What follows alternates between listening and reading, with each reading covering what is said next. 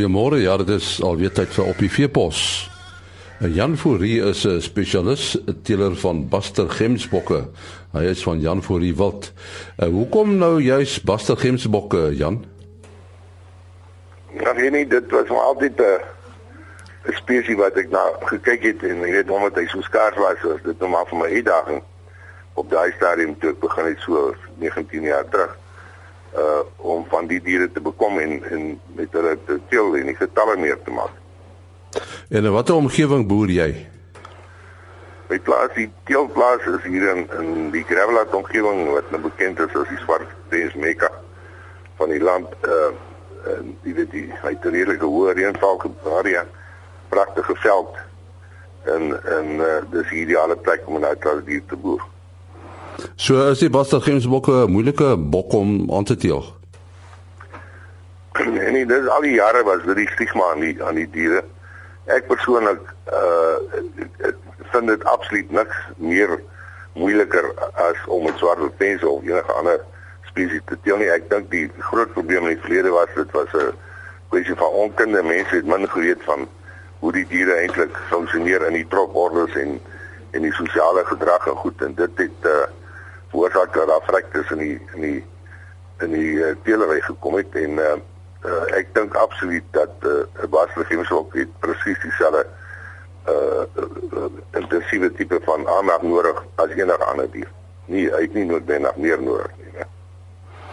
En uh, wat seker belangrik is is dat die kampe redelik groot moet wees.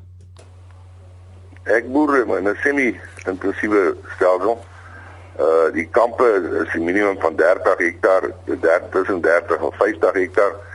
En dan het elke trop het 'n wissel uh kampe, met ander woorde hy twee stelsels van 30 of 50 hektaar.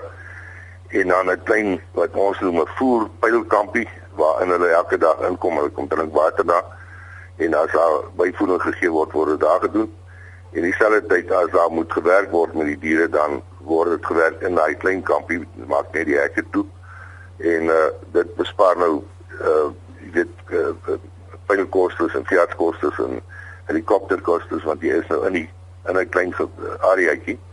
En dit pas die diere 100% jy weet jy moet hom net hy is sensitief in die sin dat hy werklike definitiewe trop troporde in die in die in die trop het jy weet uh as 'n alfa koei wat tot op die leiding vat van 'n groep en uh maar nou is dit geweet. En deur die kennis wat ek deur die jare opgedoen het deur hulle dokter jy weet dit ons uh, agterkom dat jy kan net kyk na die res van die trop dan sal dit vir jou wys of daar koei gekalf het en of daar siek diere in die in die in die groep is.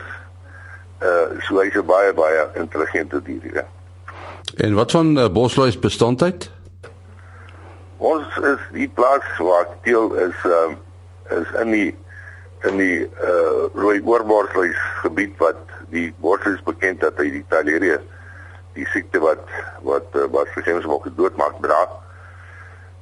En uh, ons het met die jare het ek dink jy weet ek dink dis maar die hoofrede van my sukses ook in die bedryf. Uh, het ons die die diere wat se kalvers gevrek het as gevolg van Taleria het ons uitgefaseer en uh, in areas verkoop waar die Taleria uh, word nie voorkom nie en die gevolg is ons het nou teelmateriaal wat regtig hard is en ons doen absoluut die laaste 3 jaar glad nie meer inentings of wat ons noem blok om die diere te verhoed om die siektes te kry nie ons pas dit glad nie meer toe nie. So die diere is regtig hard vir daai tipe van siektes wat verwant het met uh, bosluisdiere. En daar seker nie baie ouens wat met uh, bastelgemsbok geteel nie, né? Nee. Want nee, nee, al, al meer ouens raak betrokke daarbey. Ehm uh, ek dink soos ek sê in die verlede uh was dit maar onkunde, jy weet die die stigma was daar dat die dier die uh, pieperig is en dat hy moeilik is om mee te teel, maar dit is as gevolg van onkunde, jy weet, en hoe meer ouens leer uh ek kry wat ouens wat navraag doen by my oor hoe hoe doen ek dit dan?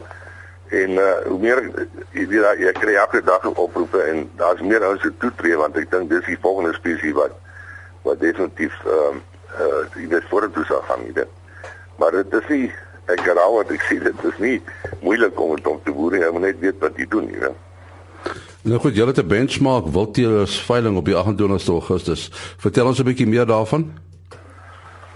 En die die, die bemarkings uh groep wat nou die benchmark groep is, het ontstaan basies uit uh ek dink een van die eerste studiegroepe in die land wat genoem word die uh, Gravelat Swartwood Pen studiegroep. Hy het maar daai ontstaan ehm um, van die lede is is regtig uh jy weet van die topteelers van Suid-Afrika. Ehm um, en daar uh, is in die afgelope die jare is hier ses wildboere van die jaar toekenninge gedoen in in in, in hierdie groep, jy weet, en dis nou landwyd. So ek dink dis uniek. Uh sover die veiling aan die veiling is die 28ste uh van hierdie maand en dit is sluit in wat vergensbokke wat op die veiling gaan wees. Swarte pense, buffels, uh impalas en verskillende kleurvariante. Ja, laat dit te be 'n goue wildebeeste. Jan, enige bedryf is maar aan uh, aan wetgewing onderwerp. En nou weet ek nie hoe staan dit met met uh, julle diere nie. Is is daar wetgewing wat dit beheer? En ja, daar is byvoorbeeld in die geval van van basregiemsbokke moet 'n teeler moet eers 'n uh, bedreigde en beskermde wild permit bekom. Uh dis 'n baie eenvoudige proses, uh, is maar baie impakstudies en besigheidsstudies wat ou moet aanneem. En dan is dit ook noodsaaklik dat alle uh, eh, basregiemsbokke moet aan die Suider-Afrika groep behoort en dit word bepaal deur eh, 'n uh, DNA toetse wat moet gedoen word met die met die omgewingsake manne teenwoordig mikro skypies moet aangesit word en die DNA monsters moet getrek word en die resultate moet definitief toon dat hy van die Suider-Afrika groep behoort. Daar is wel groepe of 'n groep wat in die land ingebring is onwettig met uh uh, wat van Wes-Afrika is en potensiale kopers van rans moet seker maak dat hulle nie die ver verkeerde tipe rand koop nie deur die DNA's deeglik na te gaan. Dan wat ook belangrik is uh is dat weer die ouens moet seker maak as hulle diere koop dat hulle by die regte teeler koop dat daar nie verwarring gewees agterna. Jy weet, ons gebruik nou die DNA so redelike dier uh, proses maar ons gebruik dit in die in die besigheidsplan uh, wat ons bestuursplan wat ons op die plaas het deur die verwantskap van die kalvers wat in die trop aankom dieselfde DNA's dan te gebruik om te bepaal wie se ma of wie se pa. Ehm um, jy weet ek dink een van die ander probleme wat in die geval van baie vergensbokke 'n uh, probleem kan wees is die onkunde van mense wat onder die indruk is dat dit 'n moeilike dier is en ek kan wel waar word dat is nie die geval nie. Dit is maar net 'n kwessie hoe die dier verstaan en sy sy uh trobordes en en maniere beter uh, beter besturing hè. Jan, jy's nou al 'n hele rukkie in die in die wildbedryf en uh ja, daar het eintlik seker vandat jy begin het 'n soort van 'n metamorfose uh, ontstaan. Uh hoe lyk die toekoms van die wildbedryf vir jou? En nee, ek sien die die die medium en korttermyn vooruitsigte in die wildbedryf is baie goed. Nou ons verwag dat die basisgrensbokke se pryse spesifiek uh drasties gaan gaan styg. Uh met faktore wat ou moet aanneem is die teelers, die, die getal teelers teenoor die getal diere wat betrokke is heidig op in die in die bedryf. Ek meen dit is so enorme klomp diere en en teelers dat uh mense kan nie dink dat die bedryf ooit sommer net sal verdwyn. Dit is 'n ander punt wat belangrik is, is dat 30% van die die die plase wat vrystellings is het en uh toegespan is is betrokke by teelery. Nou, Teoreties daar nog 70% van die van die uh uh van die plaasreinaars wat nie betrokke is by teelery nie. En uh wie die beleggings as jy kyk na die opbrengs wat so hierdie tipe van van boerdery van mens lewer, jy kan dit hoegenaamd nie vergelyk met uh enige ander tipe van belegging nie. Uh die drie spesies wat uitstaan swart so pens round en buffels is altyd gedek in die agterkant. Jy sê met hulle jag jagpryse wat so tussen 100 en 140 000 per dier is. So al daal die pryse met 20%, as ou nou 'n berekeningkie maak. Uh per jaar vir 4 jaar het jy nog 'n enorme wins so daarna jy weet uh, getoon word. So jy weet die risiko's om betrokke te raak is minimaal. Daar is ook natuurlik belastingvoordele in die dinge wat 'n mens kan bereken om aan hierdie bedryf betrokke te wees. So so so jy sê mense kan met uh, met 'n uh, met vrede in jou hart in hierdie hierdie bedryf belê. Nee, definitief. Ehm um, daar is geen twyfel dat dit die van die hoogste opbrengste lewer van enige belegging. En die spesies uh, maak beurte om dit so te noem, dan is een se prys hoog een jaar en die ander jaar is hy af. So ou moet jy weet eintlik jouself voorberei om om om 'n uh, hele klomp spesies vier of vyf spesies te boer en dan uh die pryse is die jaar toe te laat dat daai spesies se getalle meer word, jy weet. As mense meer inligting wil hê, met wie moet hulle kontak maak? Man, die ouens kan kontak die die webwerf is www.benchmarkgamebreeders.com. Ek herhaal net benchmarkgamebreeders.com en daar sal hulle telefoonnommers kry van die persone Johan Rabie onder andere die organiseerders van die veiling.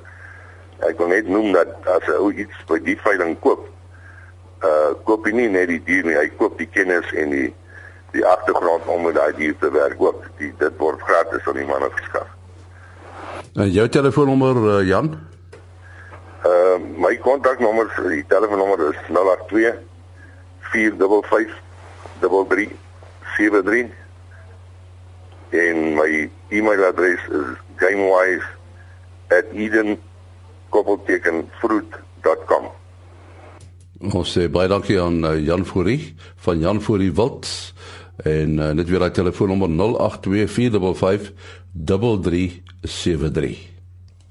Môreoggend om 4 voor 5 is ons terug. Tot dan, alles van die beste. Ooh.